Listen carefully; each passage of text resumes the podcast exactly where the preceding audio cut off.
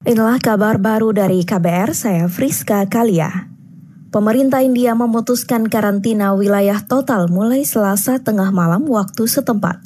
Perdana Menteri India Narendra Modi telah memperlakukan karantina nasional dalam upaya untuk memperlambat penyebaran virus corona. Karantina akan diberlakukan selama 21 hari. Dalam pidatonya yang disiarkan di televisi, Perdana Menteri mengatakan warga dilarang total keluar dari rumah. Meski meminta agar warga tidak panik, namun antrian dengan cepat terbentuk di luar toko di ibu kota Delhi.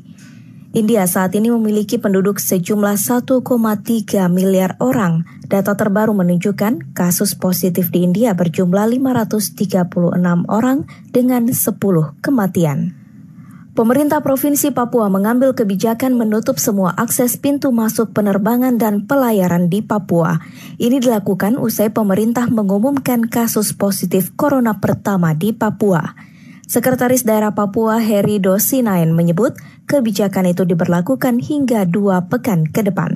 Menutup penerbangan penumpang dan uh, penumpang-penumpang baik uh, udara maupun laut, semua pintu-pintu masuk untuk sementara dihentikan dan bisa hanya untuk barang atau sembako. Akan dievaluasi kembali apabila terjadi hal-hal yang uh, signifikan terhadap uh, uh, virus corona ini.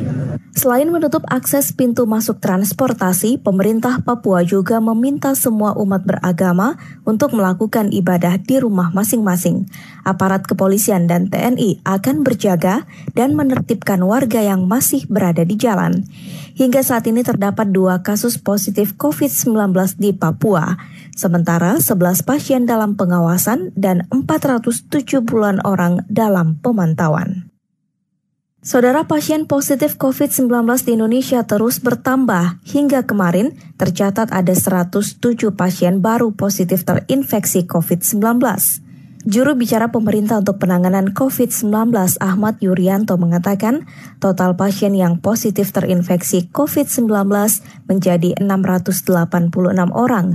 Dari jumlah itu 55 orang meninggal, sedangkan pasien sembuh masih tetap 30 orang ada penambahan kasus baru konfirmasi positif sebanyak 107 kasus. Sehingga total saat ini adalah 686 kasus positif. Ini adalah angka akumulasi sejak dari awal kita melakukan pemeriksaan. Kemudian ada penambahan juga, mohon maaf, tidak ada penambahan kasus yang sembuh, masih tetap sama datanya 30, tetapi ada beberapa yang sudah. Pasien positif COVID-19 paling banyak ada di DKI Jakarta dengan 424 orang, Banten 65 orang, Jawa Barat 60 orang, Jawa Timur 51 orang.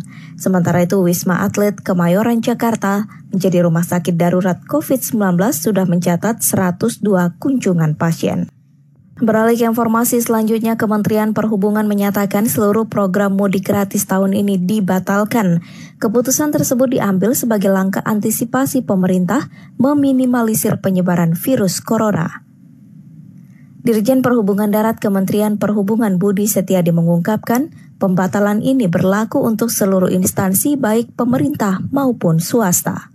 Ya, pembatalan ini memang karena sekarang ini kan kita lebih konsentrasi untuk social distancing tadi ya. Jadi dengan social distancing itu kan artinya kan kita menghindari ada kontak langsung atau ada korot pertemuan atau kumpulan gitu kan. Nah kalau misalnya dengan adanya mudik gratis kan secara tidak langsung kita juga uh, mengadakan kumpulan-kumpulan gitu. Dan berikutnya juga kan kita tahu semuanya bahwa Corona 19 Corona ini kan dari Jakarta kan cukup banyak yang sudah terpapar. Nah jadi kalau misalnya pemerintah memfasilitasi nampaknya kontraproduktif dengan kebijakan pemerintah. Nah untuk itu saya putuskan untuk di hold dulu. Dirjen Perhubungan Darat Budi Setia menambahkan nantinya Kementerian Perhubungan akan mengeluarkan surat edaran terkait larangan program mudik gratis.